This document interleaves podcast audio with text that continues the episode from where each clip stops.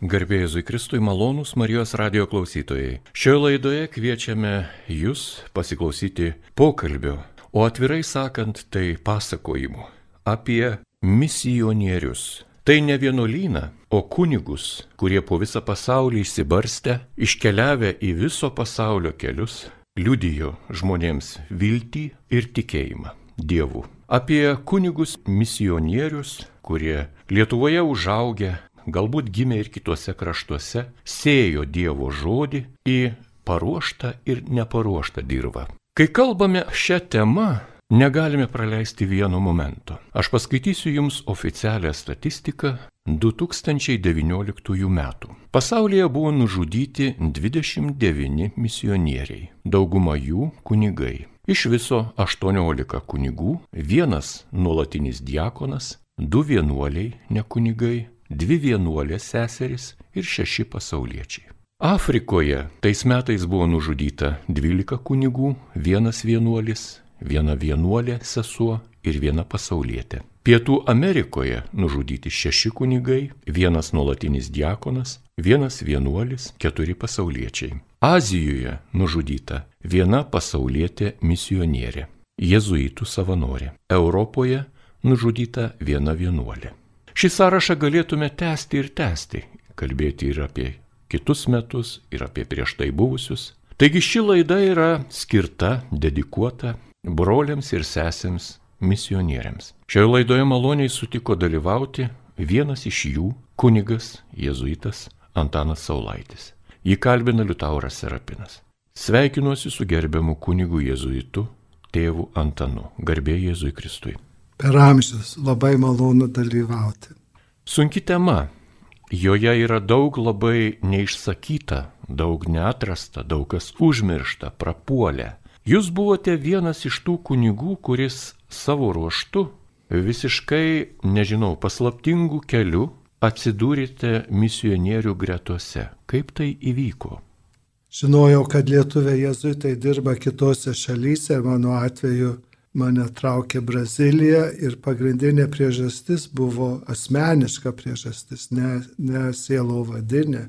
Buvo noras į savo gyvenimą, kultūrą, supratimą apie tikėjimą, pažvelgti iš šalies, iš kitos kultūros, tai kiek nors pasisavint, sakysim, braziliškos kultūros išvalgų ir, pagal, ir tada savo gyvenimą matyti plačiau ir tuo pačiu bažnyčia platesnė negu ta parapija, kurioje užaugau, ar tie kunigai, su kuriais, kuriuos pažinojau, augino mus, mane, su kuriais bendravau, kad bažnyčia yra visuotinė, pajusti bažnyčią, kad Jėzus Kristus mirė ir prisikėlė už visus. Bažnyčia yra visuotinė, ne tik mano mažo širdies kaimelio.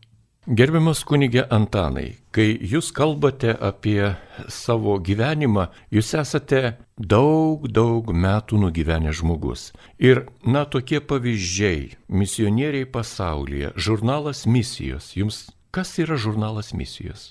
Jėzuitai prieš karą perėmė kitų leidžiamą žurnalą misijos 30 metais. Ir labai įdomu, kad tuometiniai Lietuvoje apyvarta buvo 30 tūkstančių egzempliorių per mėnesį. Ir šiandieną vartai tuos puslapius ir sunku tikėti tuos straipsnius, kaip aprašyta rūpestingai, sažiningai iš įvairiausių pasaulio šalių, galim sakyti, su tokia meilė ir pagarba, ne kaip apie egzotiką, bet kaip Dievo žodis, Evangelija, tarnystė sklinda, sklinda ir skleidžiama po pasaulį. Turėjo daug įtakos į lietuvius ir įvairius žmonės. Šiandien tokio žurnalo neturime. Na, vienas kitas krikščioniškos kultūros žurnalas pamini vis įvykius ir ką kitą. Galbūt internete daugiau visai kitaip pasikeitė žinių srautai, bet jūsų patirtis radau internete, jog jūs 30 metų misiją atlikote Pietų Amerikoje, 7 metus Brazilijoje, taip? Taip, 7 metus Brazilijoje. Ir šiaip lankiausi, kaip pasakyta, 30 metų vienur kitur neištisai, bet protarpiais. Kodėl tą darėte? Tai vis į Braziliją, aišku, padėti mūsų parapijoje, Švento Kazimiero parapijoje San Pauli. Ir visada rūpi lietuviai kitose šalyse. Tai tada žmogus skrisdamas sustoja Kolumbijoje, Venezueloje, Peru, Argentinoje, Urugvajoje, kur kitur, kad palaikyti savo žmonės. Mažas interpas. Kalbate apie žmonių palaikymą. Šokių grupė Nemunas. Kas tai, kaip jie atsirado? Ir jūs? Čia geras klausimas. Nu, kai aš buvau vaikas, ne, paauglys nuo 14 metų iki 21, vasaras praleisdavau pas pranciškonus Kenibankporte jungtinėse, lietuvius pranciškonus stovykloje. Ir jie turėdavo didžiulius tokius atlaidus šventę ir mes berniukai turėdavom baltai apsirengti ir to, šok tautinius šokius. Ten mikita ir visa kita, kas oželį, viską, kas berniukam priklauso, be jokių mergaičių. Tai paskui, kai atsiradau Brazilijoje, sugalvojom pradėti šokių grupę ir neturėjau jokio mokytojo. Tai aš pradėjau, buvau jų pirmas mokytojas Nemono grupės, o paskui greitai atsirado, lankė kursus jungtinėse, Dainavoj ir jau perėmė kiti, bet aš buvau pirmas tautinių šokių mokytojas ir ne, gaila neišgarsėjau tais laikais. Na, gal tai turbūt Dievas atleis jums už tai. O jeigu taip rimtai kalbėti, inkulturacija, vat misionieriaus kunigo, kuris yra užaugęs, sakykime, vakarų kultūroje ir atsiduria tam tikrose egzotiškose šalise, kurios yra nepaliestos dar ir civilizacijos tam tikrų, na, sakykime, išradimų, patyrimų, santykių, kultūrinių kažkokių tai procesų. Inkulturacija, kokia ji, kaip ji tuo metu vyko, kai jūs jaunystėje pasirinkote misijų kelią? Taip, čia yra, kas, ką popiežius Pranciškus amžinai sako, kad reikia klausytis. Ne pirmą kalbėti ir pamokslauti, bet klausytis, būti atidžiais. Tai kai nuvyksta į kitą šalį, mokaisi kalbos ir ne tik kalbos, bet elgsenos ar kultūros arba vertint, ką vietiniai žmonės vertina.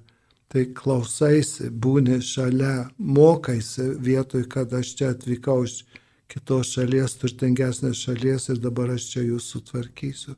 Tai yra labai švelnus ir ne visada, ne visada lengvas būdas tapti kitos kultūros nariu ir aš galiu duoti labai gerą pavyzdį. Aš buvau jau dviejus metus su pusė, tre, sakykime, tre, dviejus metus Brazilijoje ir man, aš grįžau į jungtinės į skautų stovyklą ir eina mergaitės skautės per pertrauką valgydamos ledus ir praeina, pasisveikina ir eina toliau. Ir aš sakau, kokios jos savo, sakau, kokios nemandagios, jos man nepasiūlė ledų. Nes Brazilijoje, jeigu valgai ir kitas žmogus yra arti, turi visada pasiūlyti. Tas žmogus turi atsisakyti, aišku, bet turi pasiūlyti. Tai net per dviejus metus spėjo mane tiek inkultūruoti, kad aš žiūriu, ar žmonės dalyjas, pasiruošę dalytis tuo, ką turi.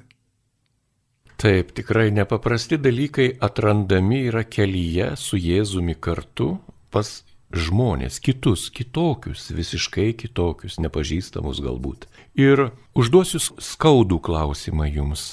Tas klausimas yra galbūt ir neteisingas, o gal ir teisingas ne mums spręsti, bet jis jautriai turi paliesti misionierius, kurie atliko savo šventą pareigą, meilę rodydami kitiems žmonėms tuose kraštuose, kurie yra vadinami Amazonijos kraštai. Po tam tikro laiko atsirado tokios kalbos, kad misionieriai buvo tie, kurie sudarė sąlygas Amazonijos miškų sunaikinimui. Kaip jūs tą vertinate? Koks yra jūsų tėventanai požiūris? Nu, nebent, kad jie tiek e, sudarė sąlygų, kad jie ten gyveno su indienais ir balti žmonės sužinojo, kopšių žmonės sužinojo tos žemės ir tų lobių savininkus, čia, čia buvius indienus, nebent tą, aš nežinau ką kitaip, nes jie paprastai jų tas gamtinis anspaudas labai menkas yra tos misijos, taigi mažos, maži kaimeliai su mokykla, bažnyčia, su daržais ir taip toliau, bet jau ne šitos milžiniškos, milžiniški laukai, plotai, sodinimai ir visa kita, nekalbant apie visokias ieško metalų ir taip toliau ieškojimų. Man atrodo, kad čia tas kaltinimas nekoks. Ne Yra šiek tiek tas kultūrinis dalykas, kad jie kaip ir Kanadoje ir Junktinėse dabar rašoma, norėjo, kad indienai būtų civilizuoti, tai kad nekalbėtų savo kalbą, o kalbėtų šalies kalbą, braziliškai. Ir tada tokiu būdu naikino vietinės kultūras. Kai kurie arba tokia buvo bendra politika Bet jei paimsim iš mūsų tėvą Kazimierą Bėkštą, tai jis kaip tik atvirkščiai, kiti neleisdavo vaikam kalbėti indieniškai, jis eidavo pas indieniukus ir iš jų mokėsi jų papročių, pasakojimų, legendų, galim sakyti, tikėj, jų tikėjimo. Tai visokių buvo ir dabar žinoma, viršų turi tie, kurie stovi šalia, eina kartu su čia buveis visose šalyse.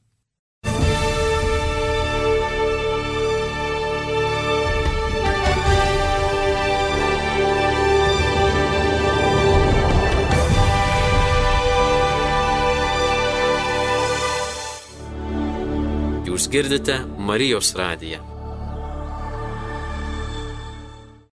Malonus Marijos radio klausytojai, jūs girdite laidą, kurioje apie kunigus misionierius pasakoja kunigas misionierius, jėzuitas, lietuvis, kaunietis, daug laiko praleidęs Junktinėse Amerikos valstijose, taip pat ir kituose pasaulio kraštuose, tėvas Antanas Saulaitis.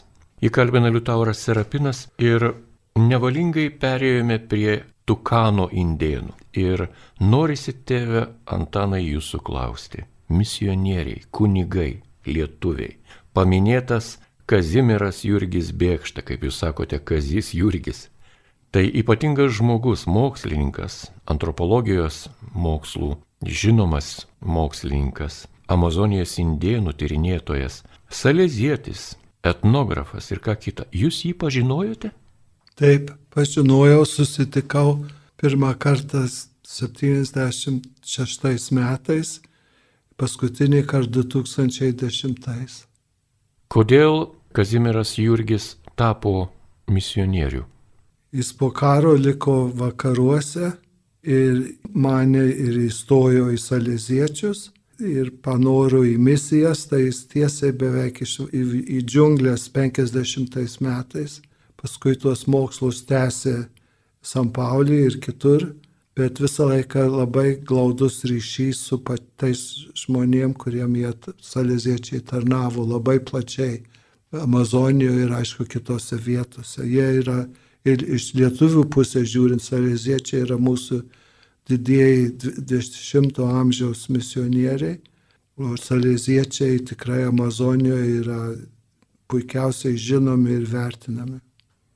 Vienuolė sesė pranciškietė Emilija Ksavera Šakėnaitė.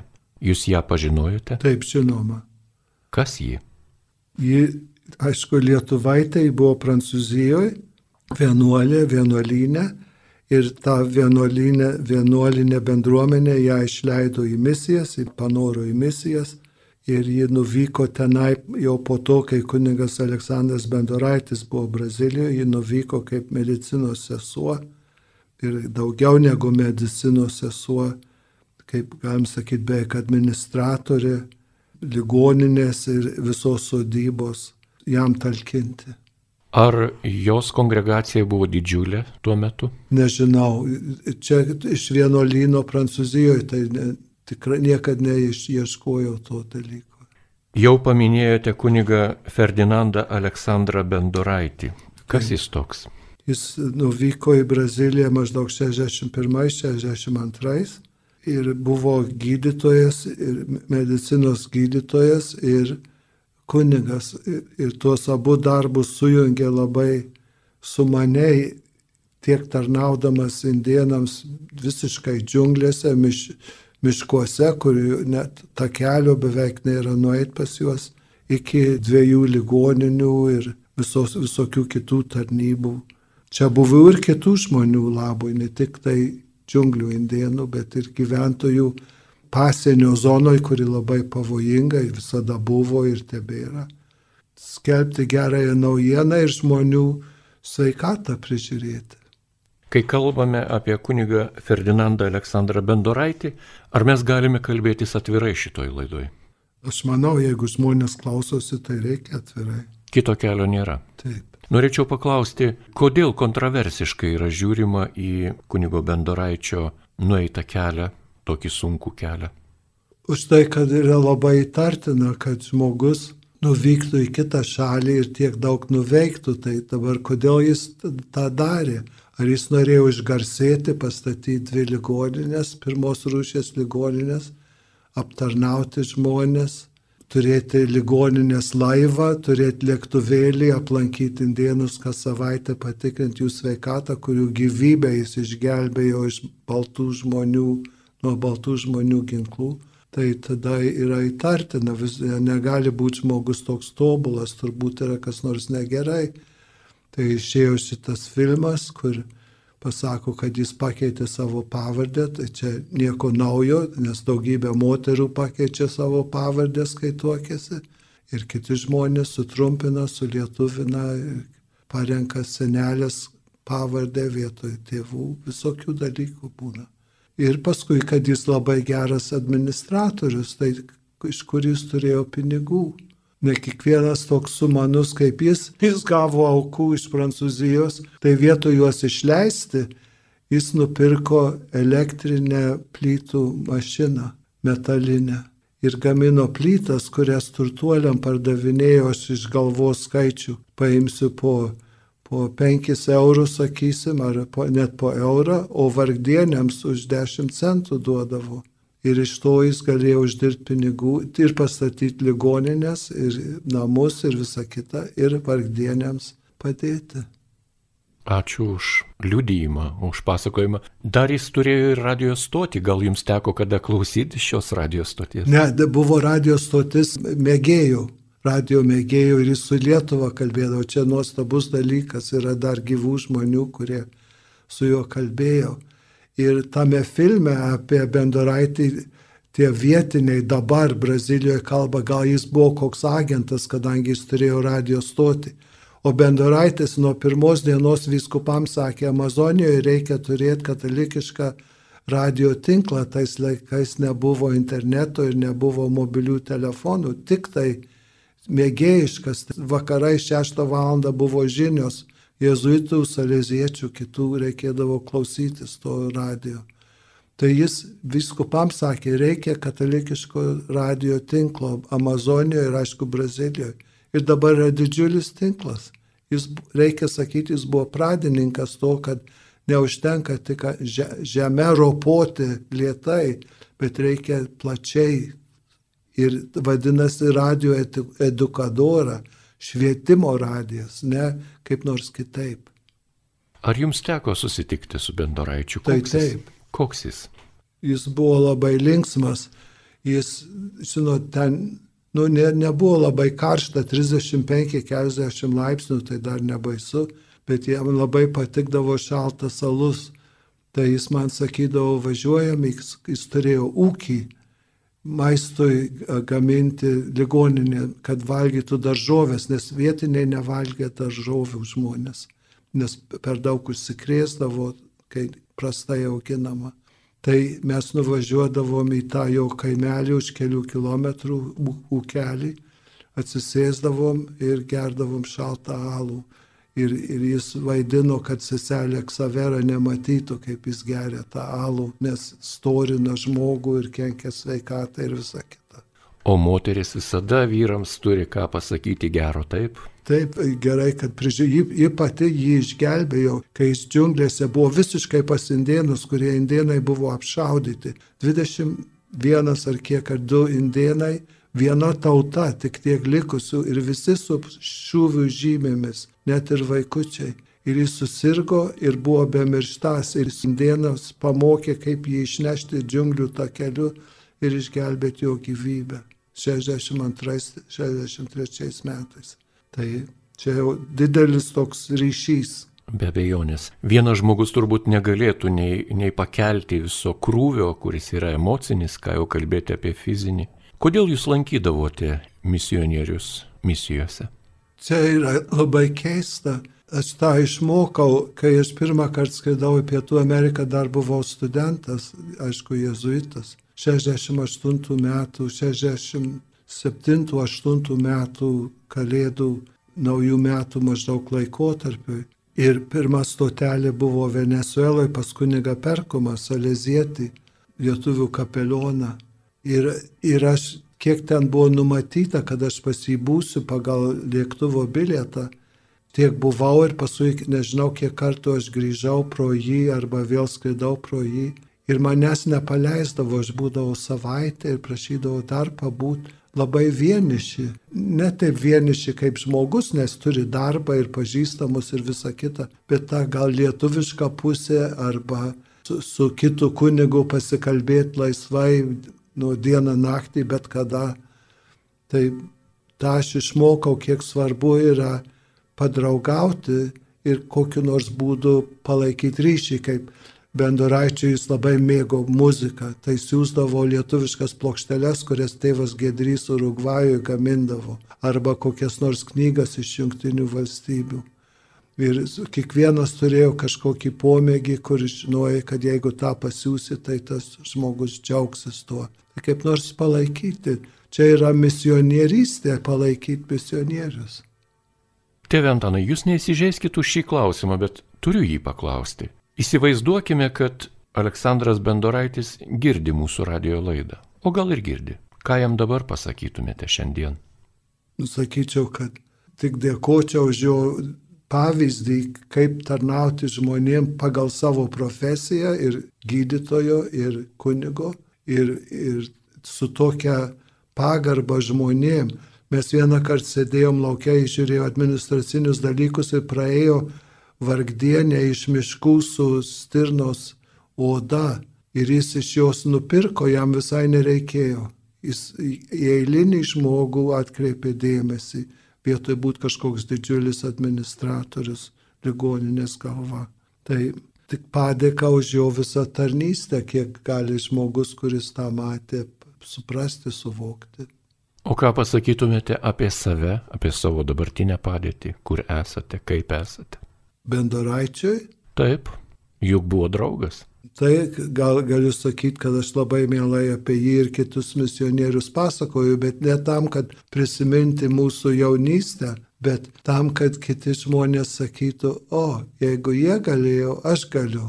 Ir būti misionierių, misionierė savo aplinkoje, padėti čia Lietuvoje kažką daryti, dalyvauti, įsijungti į grupelę, paremti, jeigu turiu iš ko ar laiką skirti, ar lėšas, ar savo profesinę pagalbą, kuriam laikui ar ilgesniam laikui.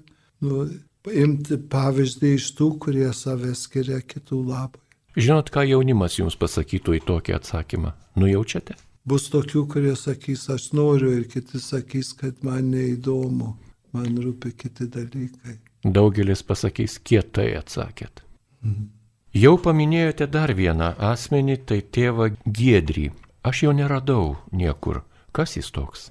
Urugvajus. Taip, tėvas Giedrys buvo, aišku, jezuitas, jis prieš karą, nu, per karą, po karo studijavo Ispanijoje, nes iš Lietuvos siūsdavo jezuitus studentus į kitas šalis, tai mokėjau ispaniškai ir Urugvajui tėvas Bružikas pradėjo parapiją norėjo patarnauti lietuviam, jie lietuviai neturėjo bažnyčios, o ten visa lietuvių, galim sakyti, kolonija, Serro miesto daly, kalno daly. Tai jis pradėjo tą parapiją, tada tėvas Gedrys atskrido, aišku, ten dirbo, truputį Brazilijoje dirbo, bet daugiausia ten ir gal 40 metų buvo klebonas, dabar jo palaikai įmūryti bažnyčios sienoje.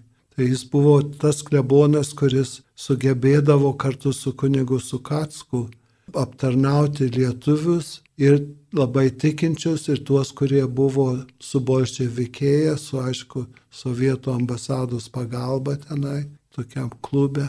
Tai sugebėjo visiems patarnauti, visų šermenis eiti, visus atjausti ir taip toliau. Ir buvo be galo mylimas klebonas ir visada dėmesį jaunimui, lituanistiniai mokyklai, tautinio šokių grupėms, kultūros draugijai ir taip toliau. Kai jūs paminėjote prieš laidą, tarėmės apie ką kalbėti ir nuostabai didžiuliai nuostabai jūs pažįstate tuos, kurių niekas jau nebe, nebeprisimena, galima net taip sakyti. Paminėjau jums tėvą Joną Brūžiką, kad jis Olandijoje mokslus baigė, grįžo į Lietuvą ir buvo misionierius Lietuvoje ir jūs sakote, aš jį pažinojau. Jūs su juo kartu mokėtės, gyvenote, dirbote? Mes kartu gyvenom ir dirbom Brazilijoje, bet jis, jis yra labai įdomus atvejis, nes Jėzuitai pagal savo įstatymus nuo pat pradžių nenorėjo būti klebonai, nenorėjo būti vienoj kurioj vietoj, bet visą laiką judėti, keliauti, plėsti tą Dievo karalystę, skleisti Evangeliją, nenutūpti ilgam. Tai jie buvo, net buvo taisyklių, kad negali tapti klebonais. Tai jie išdirbo jau 16 amžiaus gale, 17 amžiui tokį apaštalavimo būdą, kur pravesdavo, ką vadindavo misijas, jau ten, kur yra krikščionių, katalikų. Tai būtų tokie tam tikro pobūdžio pamokslai. Ir tėvas Bružikas Lietuvoje pravesdavo, tos parapijoje būna septynias dienas ir pamokslus to sako, mišes aišku laiko, išpažinčių klauso ir taip toliau. Jis mirė 72 metais. Jis buvo tokių savaičių praleidęs beveik 1992 ar kiek. Ir tai Lietuvoje jis tą pradėjo stilių tokį, ne rekolekcijos kaip Švento Ignaco dvasinės pratybos, bet tam tikras kitokio stiliaus. Ir tada jį išsiuntė jungtinės 31 metais, dabar kaip tik labai gražiai sueina 90 metų. Jis išdirbo šešerius metus, 200 savaičių praleido tuose rekolekcijose ir jis išplatino ar keturius ar šešias tonas knygų iš Lietuvos, aišku, religinių knygų, žurnalų ir visa kita. Tada grįžo į Lietuvą 37-ais, per karą buvo kalėjime bolševikų, galėtų visko. Ir tada jis išvyko į užsienius ir dirbo jungtinėse labai trumpai, Brazilijoje ir Urugvajoje daugiausia. Bet ir apkeliavo ir, ir Argentiną, ir kitas vietas su tom savo misijom. Jūs jau paminėjote, kai kalbėjote apie tėvą Brūžiką ir tėvą Sukatską, apie tam tikrą sovietų, sakėte, ten kaip konsulato ar kažkokios tai atstovybės būstinė, kuri pritraukdavo tenykščius lietuvius. Kokia ten buvo istorija? Kodėl čia, tai... čia visur tas buvo. Ir Urugvajoje, ir Brazilijoje. Man yra nesuprantama, nes įmonių kažkaip e, vadovai visokių fabrikų, skerdyklų, metalo fabrikų ir taip toliau, jie turėdavo paskaitas darbininkams ir buvo tokios socialistinės, komunistinės, čia ne bolševikinės, net nesuprantama yra kodėl ar kaip, bet tokius, kur, aišku, ne bažnytinės ir tokio kairių pažiūrų. Tai buvo visa eilė lietuvių Brazilijoje, kur valdžiai pakliuvo į anais laikais prieš karą, dėl to, kad jie buvo raudoni, o Urugvajui buvo visas klubas, kol valdžia uždarė, kai buvo kariškių valdžia 70 kelintais metais. 80 maždaug. Tai tenai, aišku, jie turėjo puikų lietuvišką knygyną, vis knygas iš Lietuvos išleistas ir visą tą, nu, sovietinę tokią propagandą. Tai buvo nebažnytiniai žmonės ir su, tokiu karteliu į viską žiūrėjo. Tai reikėjo ir su jais. Jiem būdavo labai nemalonu, kai iš Ermenis ateidavo kunigas užuojautą pareikšti, o jie Gedrys ir Sukatskas tas pats Bružikas eidavo bet kur, kur yra žmonės, jie eidavo, ne, nebijodavo. Porą žodžių apie tėvą Sukatską. Kas jis?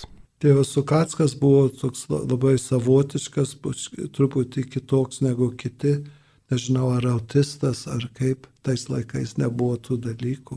Jis buvo be galo gabus kalbom, mokėjo 16 kalbų. Urugvajui dėstydėjo jezuitų kolegijose, tai arba gimnazijose, arba universitete ir seminarijoje kalbas ir anglų, ir prancūzų, vokiečių, nežinau kokias dar kalbas, iki aišku mokėjau ispanų. Ir iš viso 16 kalbų ir dar senatvėje mokėsi daugiau kalbų su storu žodynu, vaikštinėdavo sanskritu ar kokiu. ir tokių linksmų plaučių ir labai geros širdies kunigėlis. Tęsime pokalbį apie kunigus misionierius su kunigų misionieriumi tėvu Antanu Saulaičiu, jėzuitu. Kunigas Rover Skautas, kapelionas Hongkonge, salezietis Petras Urbaitis. Kas jis toks? Jūs jį pažinojate? Taip, trumpai pažinojau. Brazilijoje. Mes net tam pačiam name gyvenom, kai jezuitai ruošėsi išvykti iš Brazilijos ir saleziečiai sutiko perimti. Tai mes tam pačiam name gyvenom ir dvi parapijas aptarnavom. Tai ir asmeninė, ir, ir fizinė tokia parapija, Šventų Jozapo. Tai nu, bendravom kaip vienų namų nariai, vienos šeiminos nariai. Ir jis, aišku, nepažinojo jos ryšium su Kinija, bet jo knyga yra Kinija Azijos milžinas, kuri labai gerai žinoma, labai gerai išplatinta. Saleziečiai sugeba gerai, įdomiai aprašyti savo veiklą. Dabar yra ir knyga apie lietuvių saleziečius. Dar vienas kunigas, tėvas Donatas Lapšys, Indijoje keturios koplyčios jo pastatytos. Ar jį teko pažinti?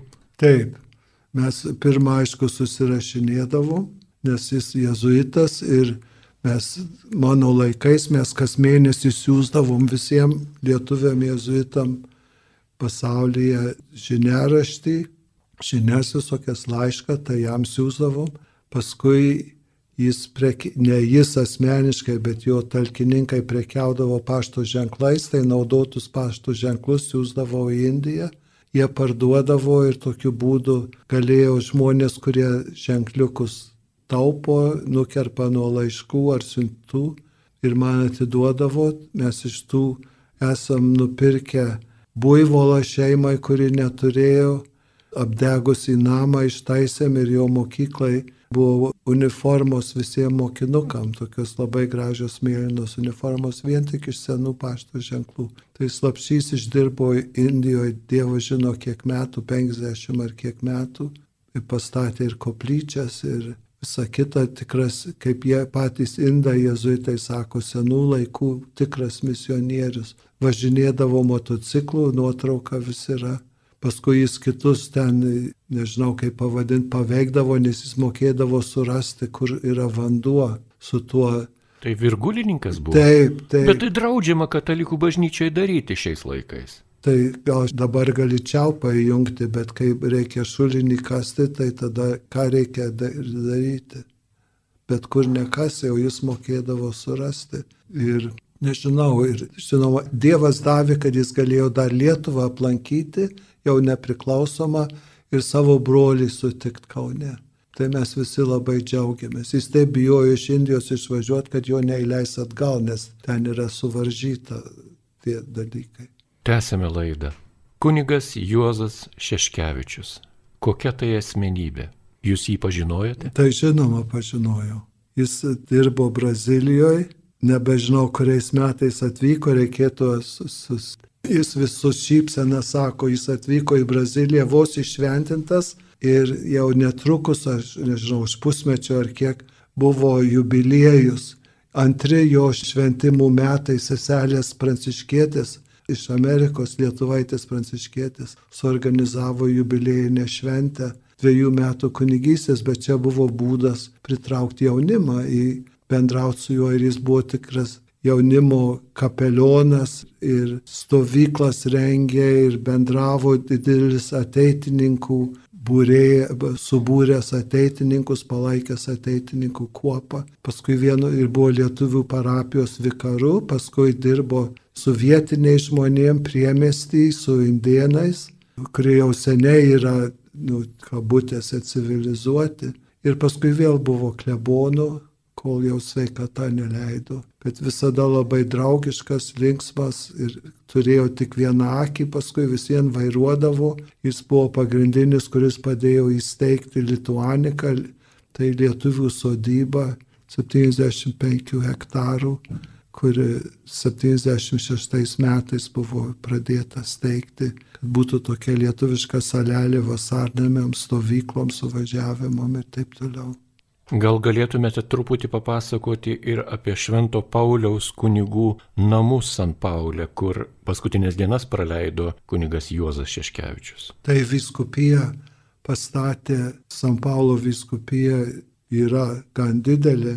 Kai Šeškevičius ten nuvyko, gal San Paulis turėjo, nežinau, porą milijonų gyventojų, kai jis mirė, tai turėjo 17 milijonų gyventojų. Ir šeši pavyskupiai buvo, galim sakyti, šešios vyskupijos vienoj. Tai aišku, buvo daug kunigų ir senelių namus pastatė ir labai įdomiai tokius apskritus. Taip, kad visi būtų arti koplyčios, pasimelsti, ten nuprieiti per langelį iš kelinto aukšto ir matyti koplyčią, arba nueiti būtų lengva ir patogu. Labai labai gražiai sukurti senelių namai kunigams. Ir netaip toli nuo lietuvių parapijos, po jis atvažiuodavo, kai galėdavo, žmonės amžinai lankydavo. Tikrai šioje laidoje mes nespėsime, neleis laiko ribos apriepti viso pokalbio su jumis, tėve Antanai, apie misionierius. Galbūt nepaminėsime ir neapkalbėsime ir kunigo Hermano, Jono Šulco ir kitų, bet dar kol yra kelios minutės. Tėvas Antanas Sabaliauskas. Kas jis? Jūs jį pažinojate? Aš jį pažinojau nuo vaikystės, nes kai mes patarnaudom šventom mišiom Švento Juozapo lietuvių parapijoje jungtinėse, tai jis kartais lankydavosi, kaip ir kiti misionieriai. Jis turėjo ilgą barzdą, tai jis Zakristijoje melsdavo, skaitydavo brevijorių, o jį reikia lūpomis skaityti, kad ir žodžių nesigirdėtų. Tai jo visa smakras visas juda ir ta barzda juda. Mes tarniuką iš šono žiūrėdom, kaip juokingai jo barzda juda. Tai aš tiek jį pažinojau, būdamas nežinau, keliolikos metų amžiaus. O paskui vėliau jis prie Čikagos steigė, jis aišku buvo užsieniuos, jis buvo Venezueloje lietuvių kapelionas prieš perleisdamas perkumojo, paskui prie Čikagos, Indianos valstijoje steigė salėziečių, norėjo įsteigti salėziečių tokią sodybą. Surinko lėšų tam ir pradėjo kažką daryti. Tai dar irgi teko kažkada matyti, bet jau nebegaliu atkurti, kuriais metais tas buvo. Ir kaip visi, ir saleziečiai, ir gal iš viso misionieriai labai malonus. Nežinau net kaip Jums padėkoti, kunigė Antanai, kad Jūs išlaikėte savo širdį ir atminti tiek daug gražių vyrų ir moterų, kurios Dievo vardu keliavo mūsų planetos keliais rizikavo, buvo galbūt ne visai ir priimami, ne visai ir suprasti. Kai kurie iš jų netgi po nuostabių darbų apjuodinti ir kaip kitaip užmiršti, o jūs vis laikote ir laikote jų atminimą širdyje. Ar sunku tą daryti? Ne, aš labai mėgstu pasakot, nes aš manau, kad visi turėtume žinoti ir aš esu pilna prirašęs apie įvairius juos. Jeigu internete pažiūrėsi žodį misionieriai, tai bus mano sąrašas lietuvių misionierių įvairiose šalyse. Žinoma, ne, neaprašyti, bet bent sąrašas yra, kad jų vardai būtų žinomi. Mes tikrai nepaminėsime šį kartą vienuolių kunigų Balio Babrausko, Antano Šeškevičiaus, kaip ir minėjome jau Juozą, Kazimiero Rudeliūno, Bruno Markaičio, Leono Povilo Zarembos, Aniceto Tamošaičio, Donato Slapšio ir kitų ir kitų, bet laidos pabaigai norisi jūsų paklausti.